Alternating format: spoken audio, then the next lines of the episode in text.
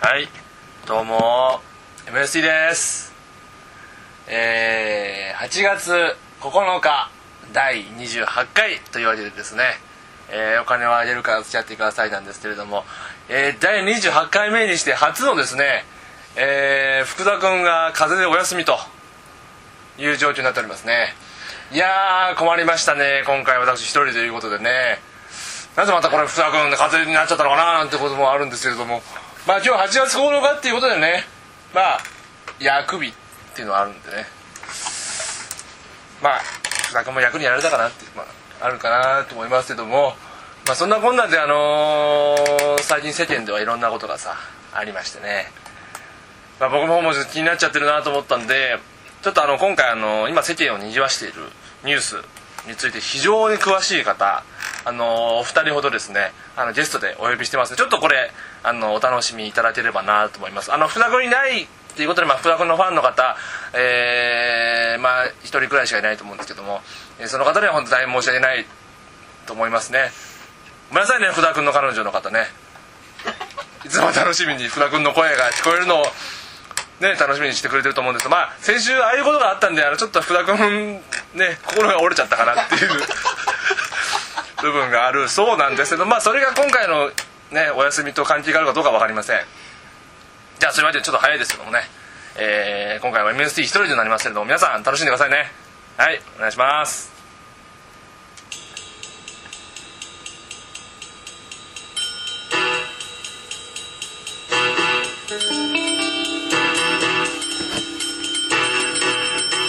「MST のお金をあげるから付き合ってください」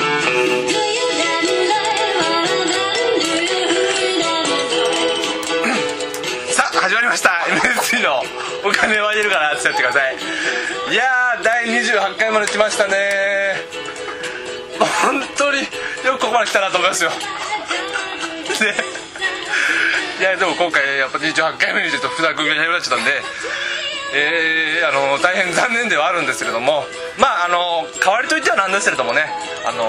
大変興味深い方ゲストにお迎えしてますんで、えー早速紹介していきたいと思いますちょっとあの音楽の方止めてもいただきますからすいませんねえーこちらはいえーそれでは早速ご紹介させていただきます、えー本日のゲスト、えー神戸女子大学で、えー非常勤講師を務めてらっしゃいます、えーテール・ザ・プッシュさん、えー来ていただきますどうもテールさんはじめまして、テールザプッシュと申します。あどうもテールさんおはじめましてどうもはじめまして。なんかすいませんあのーお会いできて光栄です。あありがとうございます、はいなんかこういった形でいきなりこのねインターネットラジオやってるんですけども、なんかそうらしいですね。はいええなんか昨日急に電話いただきまして、はいちょっと来てくれないかって言われたんで、なんか何をすればいいのかもわからないんですけれども。あ申し訳ないですあのーというのはですねあの、はい今日今回あのーテール・ザ・プッシュさんあのーテウールェさブんでよろしいですウェブ授業かなんかですかこれはなんか違うんですかいやちょっと授業というのとはちょっと違うんですけれどもはいあの一応エンターテインメントでやってるんですが、エンタあエンターテインメエンントターテインメントでやってるあ映画かなんかですかこれなんまかあ、映画じゃないんですよロケかなんかですあかのラジオなんですけれどもねラジオなんラジオお聞きにならないですかああーそうですかあいや聞きますよ UU ワイドとかよく聞きますはい ああ AM ですねはい、はい、そうですね。これは AM なんですかいや ?FM なんですかえっ、と AM とか FM とかじゃなくて短です波、ね短波。短短波短波ですか短波とかじゃないんですねあのあインターネットでは公開してるんですけどもあ、そうなんですか。はいなるほどね。いや、ちょっと私、インターネットのラジオの方にはちょっと詳しくないもんあそうですか、はいあのぜひあの、ね、今回に限らずはい聞いていただければなと思うんあですが、なるほど。はい。あのテイルさんあの今回あのテイルさんを、ね、あのお呼びしたのあの、はいお呼び立てしたのはですね、ええあの他でもなくてですねあの、はい神戸女子大学の方で、ええーテイルさんがですねあのお塩学はいはいはい。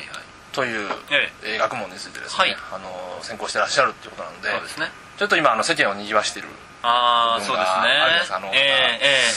えええええその辺ちょっとお話をお聞きしたいなと思いはまして、い。やっぱりね、ここ2、3日ね、電話がすごいです。あそうですかやっぱりまあ、間違い電話だったんですけど。 間違いというのですか、はいちょっとどういったなんか、なんかね、似てる番号があるみたいですね。なんか。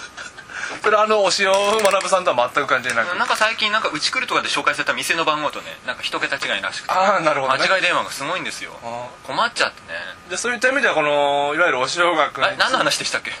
いやえあのテイルさんのええ専攻されてるあお塩学、はいはいはいはいお塩学そうですねこれはあのいわゆるお塩学さんについて研究されてるということでよろしいですかえーっとですねいや お塩学ぶってどなたあお塩学さんい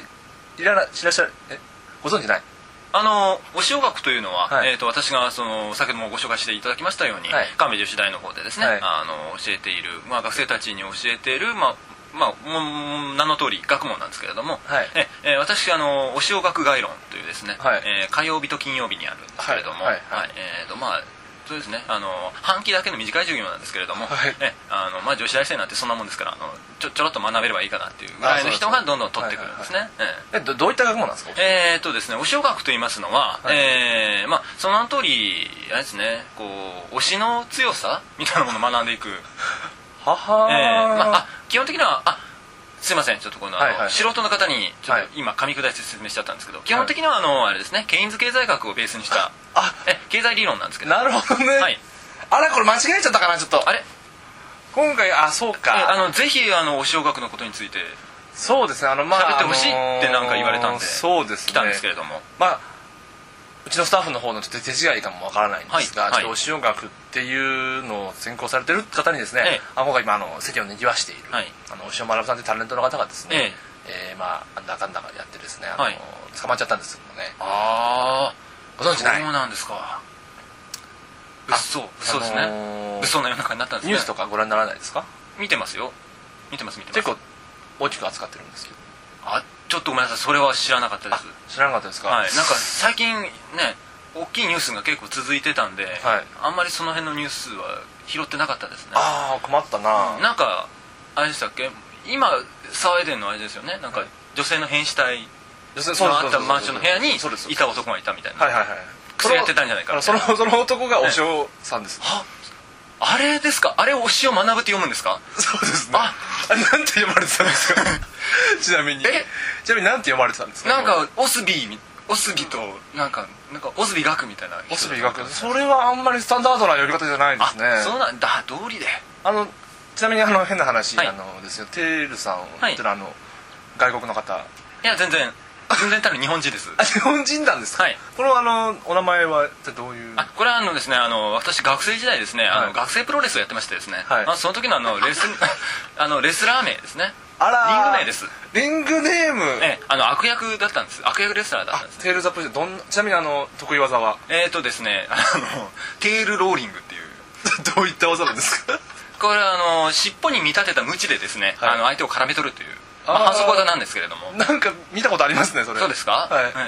そうなんですあのお尻にね尻尾をいつもつけてるっていうキャラだったんですあそねうなんですはい狐の格好をしてあそれでねそれがまあ尻尾についてるからテールそうですそうってですことですかはいそういうことだったんですけれどもなるほどね、はいまあちょっとその名前が評判良かったんでねはいはいね教団でも引き続き使わせていただいてるんですそうけいうれどのもありなんですね、はいなんか許されましたねえまあ女子 大なんでまあ、女子大、い女子大ちょっとバカにしすぎじゃないです かそんなことないです大丈夫ですかそんなことない女で子す大になんかあるんですかいやいやとんでもないですそんなあの申し訳ないんですけども、あのはい今回あの一応お呼びした理由というのはですね、ええあのそのお塩さん今逮捕されてる方なんですはけいどもはいはいまあそのニュースについては詳しいですよはいはいあおかしいんですかうんすごいよく見てたんであおかしいですよさっきと話が全然違いやうんなですよ大丈そ夫でれすがまさかお塩を学ぶのことだとは分かってなかったんでごめんなさいあそうですか、はいさっきお塩学ぶの呼び方すら間違えてましたけ どええええあ大丈夫なでんすかかまさかそのことなんかごめんなさいね頭の中でね結びついてなかったんですねあおちょっと大丈夫ですね薬とかやってないですよね、えなんですか薬とかやってやなめいてくださいよや 大丈夫ですよねそんなねやめてくだなんさかちょっと尻滅裂なところがあったからいそんな全然そんなことはないですよやってんじゃねえかこいつそんなことはないですよはい大丈夫ですか大丈夫ですよじゃあちょっとあの詳しくですね、はいあの今回そのお塩さんのことについてですねおええ聞きしたいなと思うんですけども、なるほどあの世間でいうところのですね、はいあのお塩語録というのがありましてこれご存知ですかはいはいはいはいありますね教科書にもお塩学概論の教科書にも載ってましたちょっと笑ってらっしゃいます けど載ってましたよ載ってらっしゃいますはいあのお塩学経済学じゃないんですか経済学です経済学にお塩56が入おって塩五六と呼ばれているものはありますねああーそれがあのあのあなた MST さんでしたっけ、はいはいはいのおっしゃってるお塩五六と同じものかはちょっとわからないんですけれどもそうですかあのじゃあそこの辺を確か私ちょっとごめんなさいお塩を学ぶことについてはわからないので、はいさっき今また日話が違う大丈夫今日あの、 はいお話しできるのはお塩お塩学概論なんかやってますよねなんか大丈夫ですかいいえなんかやってませんかいいえなんかあの錠剤あるいはええ吸引ストローとか持ってませんよね今ねストローですか、はいい、やいいえ持ってません大丈けど夫ですかはいまあ、まあちょっとこれこれはまあ私収録終わってからそうですおね話ししていただいて、ええまあ、ちょっとあの本題の方に戻らせていただきたいんですけれども、は そのお塩五六というのはですね、はいちょっとあの我々一般人、はいまあ、凡人はいカスである僕らにはですね、ええちょっと理解しがたい部分がありまして、なるほどはいそれをぜひあの今回あのお正学の,、はいあの専門でいらっしゃるですね、ええあのテールさんに、ええあの解説していただきたないると思いほどましてわかりましたそういうことならですねはいはい、あの普段からそういうねあのまあ割とこう素人さんには難しいんですけれどもはい小学概論というのはそれはまあはいあの女子大生をはじめとする愚民に、えー教えることをなりわいとしておりまテーすルかさんらちょっとあのこと言葉が、はい言葉があんまりよろしくないん ですよあそうでしたか、ですかね大丈夫ですははいい、じゃあ私の方は大丈夫です 大丈夫ですか、はいじゃあちょっとあの手始めにですねあの、はい塩学さんがですね、えーおっしゃってることについて一つちょっと聞いていきたいなと思うんですけどもね私にわかるかな星を学ぶのことがじゃあ例えばあのこはいちら行ってみましょうか、あのえ俺はカート・コバーンの生まれ変わりだはいはいはいこれ一体どういう意味ですかねああこれあの偶然にもはいお塩学の中にはいこういう言葉が出てきますねあそうなんですかはいこれあのいわゆる経済理論でいうところのニルバーナ効果と呼ばれるあニルバーナ効果端的に説明した言葉なんですけれどもああそれ、はいじゃあどういった効果なんですか、はいどういった効果なんですかえー、とこれはですね、まあ、例えば、えー、とチョコレートの消費量というものを考えた時にですね、はいえー、と私はこれこれカカオマスが原料となりますよね、 はいこれねはいえーこれカカオマスの仕入れ量に対してですねこのあのチョコレートを食べたいぞっていう人の食べたいぞっていう女子大生の量がこう増えていくとですね、はいえー、とこれあの、まあ、もうチョコレート業界にはもう涅槃 だとチョコレート業界はもう涅槃のような心持ちだなっていうそのなんか雲にも昇るようなああもう嬉しいぞこれっていうねはいはい、あのその時のなんか公共に湧いているあの気持ちです心理状態ですね、これはあのニルバーナ効果っていうんですあそれニルバーナ効果についてあのお塩さんがおっしゃったってこなんかたまたま同じだったみたいですねとああそうなんですか、ええお塩学ではあのそのことを指してよく俺はカート・コバーンの生まれ変わりだという言い方をしますねああなるほどね俗に言う俺はカート・コバーンの生まれ変わりだの現象であるああなるというふうにお塩学概論の教科書にははは深いですねお塩学はまたこれええまあ深いと言いましてもね、まあ、これお塩学の方あのまだこれできてね、はい今23年の学問ですからあ23年なんですか、はい割と早い最近ですね、まだまだ歴史の浅いここれれかあらの学問ですからおね塩さんがその世間でなんか騒がれたのと割とねそうなんですかあの矢田敦子さんがどうのっていう話やと割とややたあ矢田敦子さんあのお塩さんの奥さんですあー女優さんでねそうなんですかでそうそれと割とあのタイミングが合う感じあーもするんですけどなんですかはいまあそれは多分偶然だと思いますけれど偶然なもんですかはいあ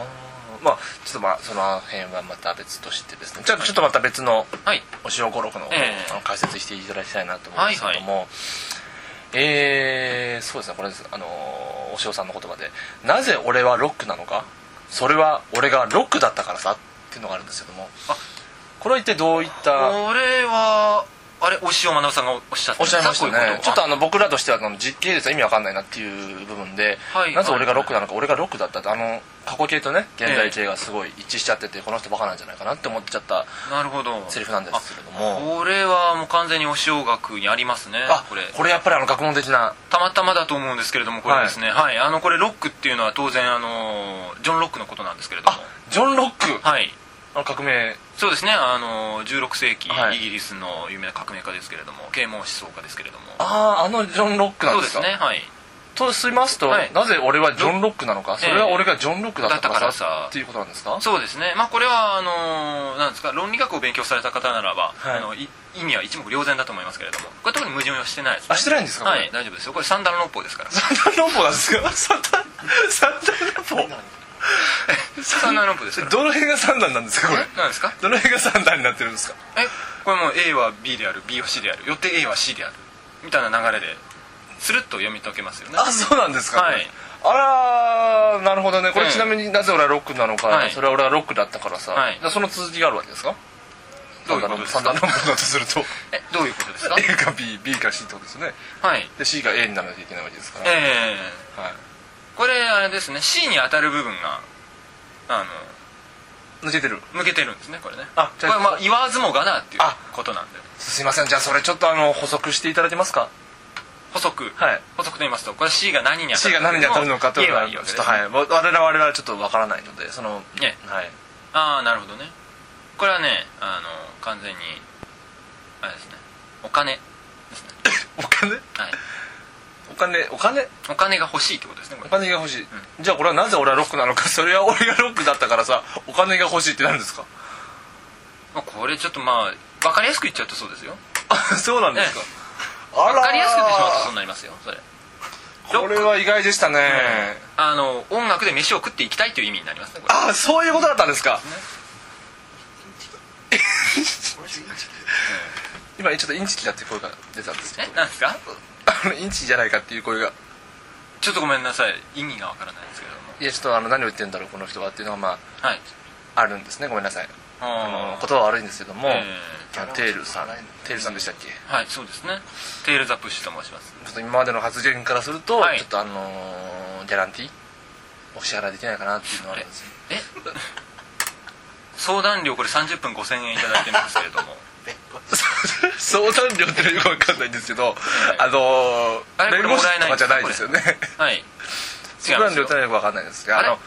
ね、今回出演してくださるになったのギャランティーの方がちょっとスタッフからお話あったと思うんですけれどもちちょょっっととそれ聞いてないですねちょっとこのねあのごめんなさいちょっと私ケツがあるんですよはいはいちょっと今からサマソニに行かなければいけないのであらあらご偶めんなさ然いあのトライセラトップスの大ファンなんであらそうなんですかトライセラトップスの大ファンなんでちょっとこれからね行かなきゃいけないんですねちょっと今の発言はトライセラトップスのファンに対して非常にちょっとごめんなさいあの不謹慎じゃないかと思うんですがちょっとごめんなさいあのいいですかもう時間まがあないもんいいですかももう何もですね今ちょっとねこちらの方からも書いていただこうかなと思ってたところなあので本当ですか、はいじゃあもうちょっと望むところということですねタイミングとしてはちょはいっとですね、あじゃああの塩学の方があのもし興味をね持たれた方がいましたら、ぜひあの経済書のコーナー書店の経済書のコーナーに行っていただければ、うん私の著書が並んでおりますからあインチキ図書かえー、なんですかそ れはインチキ図書ってなんですかわいせつ図画みたいな言い方しないでくださいちょっとじゃあちょっともうあの、はい書いていただいていいですかあのわかりましああの、はいえっ、とじゃあ車あそこの三輪車の方用意してますちょ それ恋でいけとわ、はいかりましたはいじゃあすいませんはいお願いします、はいじゃあどうも今日はあのすいませんなこのお時間取らせてあいえとんでもないです、あはのちょっと間に合わなくなっちあゃりがとうございまししたすいませんはいえー、神戸女子大学で非常勤講師を務めてらっしゃいましたレーザーブッシュさんにお越しいただきましたどうもありがとうございました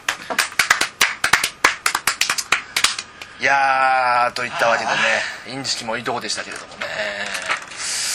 ちょっとあれなんであんな呼んじゃ呼んじゃったのかなねえ失敗ですちょっと失敗でしょあれは完全に変な人でしたよね人間でしたうんちょっとまあ神戸女子大学っていうのもねあや怪しいですよええ何何逮捕され逮捕された今逮捕された外で外で今逮捕されたテールさんたあやっぱりあやっぱりポケットにあ持ってたやっぱりあ持ってたんだあーやっぱりなちょっと尻滅裂だったもんななんてか分かんなかった何でかかなと思ってたんだわあ危ねえなあれさあといったわけですね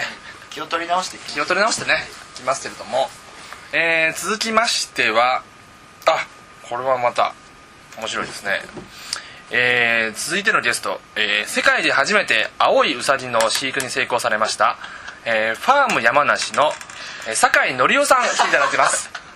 どうも酒井さんあどうもこんあのこんにちはあどうもこんにちはあどうもはじめましてどうもどうもはじめましていやいやでもすいませんなんかいやいやお願いしちゃってなんいいいいんですかこれなんかいいここ座っていいんですかねこれあどうぞどうぞあーどうもすいませんね暑いなでもな今日暑いですよねあームシムシこうやってもう中涼しいねこれねでもね そうです天国と地獄だなこれなクーラー入ってます んでねねえちょっとねいやー生き返るわね今ねいやあすーいません酒井紀夫さん、はいあのーご職業の方はえー、あのの兼業農家ですねあちにの、はい第2種兼業農家になりますねそうなんですかちなみはいに栽培されてるのは何、えー、っとねあの基本的にはこれあの高原野菜なんだけどもはいあのだからレタスとかねはいはいうん、あのだからただまあその季節じゃない時はあの家の方でこうウサギ飼ってたりこう鶏飼ったりねあのなんていうの牧畜ああ、うん畜のそういった意味では天井そうだねうさぎはちなみにあれはなね何に使うんですかえど売るんですかだから締めて食べんだよこ れ食べるんですか、うん鍋にしてることないそのうまいんだよこれあそれ個人的に食べてらっしゃるあまあそうそうそうそうそれ売ったりはしてないあのいやなんかあれなんだかなとの盆地のはい盆地のなんかあれじゃないのしゅの茶屋茶屋とかで出してんじゃないの茶屋鍋でウサギが出るんですそうだよああそれならぜひあの教えていただきたいですねあのもうあの茶屋をいいよいいよ大ちゃん言えばすぐ食わしてくれるよお前あそんなのそうですんかきちなみに、きなはいはいはいあの世界で初めて青いウサギの飼育に成功されたんですけども、あこれどういったウサギなんですかうん俺はじゃあ青いんだよお前青い何その聞きは分かるだお前、うん、青いんだよ色色が青いんだよこれ実際はまあ本来ね我々が知ってるウサギでいうと白いああそうだそうだ感じのピョカピョカとしそうそうそうたあれが全くの青とうんほほうそれはあうんのどういったきっかけで青いウサギが生まれたんですかねほらあのな縁日行くとあのなカラーひよこって言うだろお前カラーひよこカラーひよこね色っといたら、はいはいはいあれなんだそのなんか色相かなんか入れてんだばそうですねだからまあすぐ死んじまうのなこれな死にまいますね、うんだからでもなんかあんなのうさぎ青かったらこれ買えんじゃないかなと思ってギャルえ都心のギャルあごめんなさいあの青がいウこサれギと可愛い可愛い手飛びつくんじゃないかと思ったわけだよなそれはあのすみませんあの整理しますと、はいあのウサギを青くすることによって縁日で売ってやろうってそういうことですかだから縁日縁日で言ったらこれはまあカラヒヨと同じ発想だとバレてまうで、うん、はいはいだからそれはもうなペットショップに卸すんだよこれペットショップで、うん青ウサギ売れるんじゃないのそうだよそうだよははそれちなみにあの青ウサギ飼育されたものっていうのは今、うん市場に出てるんですかねうーんとなこうな、まあ、23年前まではこれ売ってたんだけどねはいうん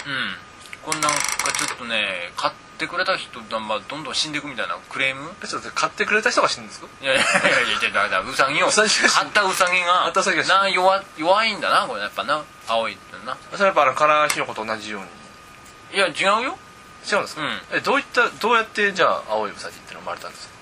俺もまあなんかお前お前農大出てっかお前いや問題出てないですあそうばあそういう説明しても分かんないもんねなんか ななんですあかるの色色相を色相をなんかなんか自分でてあんどんあんじゃって沈着させる方法があんだよお前すいませんあの途中何言ってるかよく分からなかったです何をおっしゃってるかよく分からなかっ色た相を沈着させんだよ色素を沈着させるつん沈着させんだよお前沈着って何ですかだからもう青いもん食わせんだよ青いものあ青いもん食わせると徐々に徐々に青くなってくるんだよなこれねあーなるほどね、うまあじゃあもういいですかね青いウサギの話 はんなんだいいのかすいませんいいいのここかまで話して仕組みは知りたくねえのかこれやちょっともう興味なくなっちゃったんでごめんなさいあ本当か、はい、ちょっとなんかね、どうなのい俺だのこれが青いさんの話してくれるというというかこうや、ごめんなさい、あのー今回お呼び立てしたのはですね、うんあの、青いウサギの話というよりは、うんあのーご存知ですかね、今、世間で騒がしてる、何何ね、元アイドル歌手の酒井のり子さん。ああななんだっけそれのりぴのりぴーですね。ああのりぴーなはい、のりぴーが、あの、ちょっとあの、山梨のい方や行えらっいたこりとかにしてなっちゃっはたな、いもうな、うん、逮捕されちゃったっていう俺あがるんれでのりぴーそううちの方来たってのは言っていいのかこれあ、もちろんもちろん、あの、ぜひ行っていただいて構わないと思います。あ本当あ、ご存あ、見かけられなんたんですかかな近所ではちょっと噂になってたよこれあ、のりぴーがいたと。うんなんか来てるってあ来あ、てあるの、来てる実際にあの、見かけた人とかっていうのは、いやちょそれは知らないけどそれは分からない。うんななぜみんなですねまあどテンんシどんョン島憶測で言うからね あることないこと噂好きだわねおばちゃんはねはは例えばどんな噂がありましえたどんな噂がありました何がドルビーに関してまあだからお前な来てるとか言ってたよ それだけですか来てる来てるって言ってたよてる今ノリピーが熱いって言ってたよ今ドルビーが 熱いそういう意味で来てる、うん来てる来てるって言ってたよあそれ別に土地関係ない感じうんなんか知らないけど俺は知らないよ詳しそうですかわかりましたじゃあ、まあ、そんなですねあの酒井のりおさん、くははいまあ、通称のりおさうんノリをノリを言われてるなん23時ですねあの、うんぜひ今回、あのー解説していただきたいなといううん部分がありまして、はいそれ今話題になっているはい酒井のり子のりぴーはいのですね、えー昔覚えてらっしゃいますかねのりぴー語ノリピー語なはいああ分かったかもしれないねはいそれについてですねもうちょっと僕らも20年くらい前の話なんで、うんちょっと今の世代の若者にはですね、うんちょっと分かりづらい部分がありましてですね、はいはいそれをぜひあのあったねねあの、酒井さんにうん解説していただきたいなとえなんで俺が解説するのやっぱりそのあのー青いウサギつながり青いウサギつながりつ、ながってるかえー青いウサギっていう繋がってんのかこ曲れがあるんですよへええだ青いさんと曲あんのこれえ青い三号調でなくてえーいやいや青いサンゴ礁じゃなくてねだだ誰が歌ってんのそれそれ酒井のり子ですあそうなんだ、はいあえだから呼ばれたのこれそうですそうですあでダジャレじゃねえかお前それごめんなさいねダジャレでねえかそれそういう番組なんですよああそうそういう冗談めかした番組なんでああこれだってだってお前でファーム山梨の宣伝させてくれペックつかたまで来たまたさまたあどうぞどうぞ宣伝はそうしていただいてこい俺も宣伝はしたまんでこたつまでねえんのけん何ですかうん何ですあかあじゃあまあそれならええんだけども大丈夫ですか臭い方言ちなみにあのその さっきから喋ってらっしゃるん方言、あの山梨の方言なんですかあ俺山梨生まれ山梨でねえよ山梨じゃないですか山梨違うよどちらですかえどちらなんで肥すか後の方だ肥後の方肥後うん肥後と言いますとあの肥後の方だこれどちらでしたっけ肥後はあんま肥後だよお前肥前の後ろだべこれそうですねちょっとごめんなさい地理がいまいちよくわかんないお前地理はお前勉強しとかんともごめんなさい坂ちゃんとんま先生ってことおあ前の肥後もっこすの肥後ですよあねあそうだそうだお前知ってんじゃねえかおただちょっと場所がいまいちよくわかんない前あ話せるやつだなお前な ありがとうございますうん酒飲み来よううちあ今の度ちなみにその肥後肥後の,、んあの肥後生入れってことでよろしいですねああそうだ本当によろしいですねダンダンダンダンダンダン大丈夫ですかダンダンダンダンダンダンじゃあ肥後なまりなんで山梨のえああなんかこうやって仕事の先が見つかんなくてしのしのぎの口が見つかんなくてよはいうんでたまたま俺上京しようと思ってるのに間違えて山梨来ちまったんだよなこんなああなるほどちょっと通り過ぎちゃった感じですそうだねじゃあそういったわけですね、うあのノリピー語についてノリあのノリピー語ノリピー語ああああったなそんなのはいはない懐かしいな俺なまあ例えばあの例を言いますと「いただきマンモス」っていうのがありましてですねこれ「いただきます」をいたいただだききマンモスマンモスって言ったあらしいんあこですれねパンチの効いとるなパンチ出ますかね言葉だな俺ないやー俺な分かんないなこれ最近のギャルの言葉はなこれみんな言ってんのかこんまあなん最近じゃないんですよこんなん言ってんのかみんな20年ぐらい前ですよねななんだこれなんか 119?109 かこれで言ってんのかこんいなんや言ってないですね20年前の話だって言ってるでしょうん、うん、殴りますよあ言ってないはい言ってないのな言ってないですねはいはいあこれまちょ前のちょっと20年前の話ああ、はい、はいはいはい大丈夫ですかうんついてきてるよついおてきて耳るがよ遠いかついてきてるよこれ全あの然ちなみにあの失礼ですけどおいくつなんですか俺は56 56ですか56だよあ意外と若いんですねうんまだまだ現役だよバリバリだからこれあそっちの方 もうんバリバリでそあまあ現役だよお前っちの方も現役バリうんうんそバリりゃそうだよああなるほどねうんちょっとあのお時間の方がいろいろ詰まってきてます大ので丈夫かこれ時間ちょっとあの大丈夫なここだけでもあのん解説していただきたいなと思うんですけど解説言われるのな俺なんか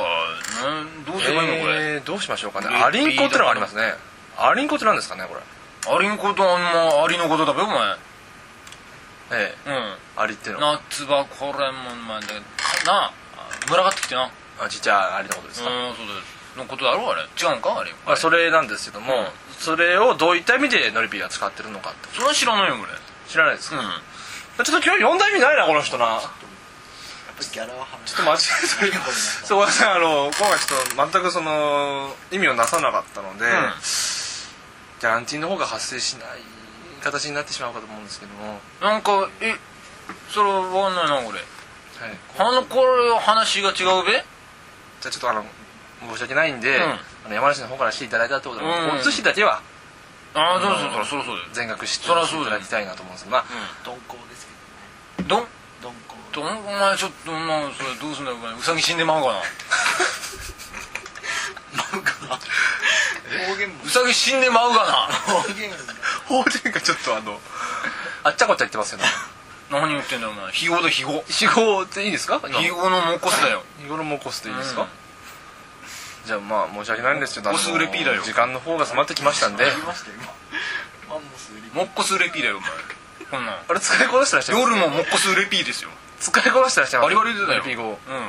これあのどっちかというと酒井紀子ではなく酒井紀夫のノリピー語ん、うん、そうだねピーとか言うほ方言で言うよああノリピー語がそっちにも成長してたんですねうん日語の方で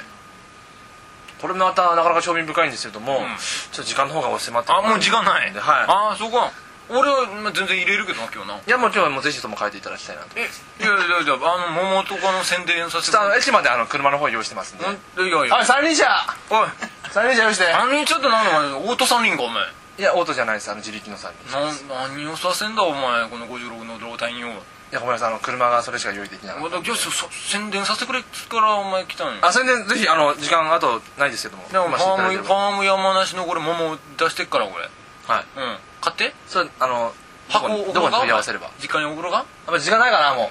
うあ時間ないはいじゃああだけであのいやちょすいませんば番号とか、えー以上あの世界で初めて青いウサギの飼育ホームページがあにるから成功されました、えーファーム山梨の酒井紀夫さんでしたどうもありがとうございましたあちょっとどうもありがとうございましたなんか悲しい悲しいと死んでまうぞいやーといったわけでね今回は2人のゲストをお招きしましたけどもねどうもあれ捕まった あー捕まったのりちゃんのりちゃん捕まっちゃった何何何あ虐待です虐待うさぎ虐待動物虐待であ捕まるんだねいやちょっと今回間違えちゃったなそれともダメでしたね今回ねちょっとなんか悪い人ばっかりじゃん悪い人ばっかり紹介しちゃってこれちょっと双子がいなかったんでねこういった形になっちゃいましたけれどもねまあ来週からも多分福田君も気にされると思うんでそしたらまたね楽しいラジオが聞けるんじゃないかちょっと今回あの犯罪者ばっかりだったんで ちょっと次回からはちゃんとしたレギュラーメンバーでやりたいと思いますいやーでもまあなんとかなるもんですねこの福田君いなくてもねまあ今後こういう展開もあるのかもわかんないまあ福田君があの病気に治らせてもらってまた復帰してくれることを願ってますけどもねといったわけで30分お送りしましたお金もあげるから捨ててくださいまた来週もよろしくね AS でした「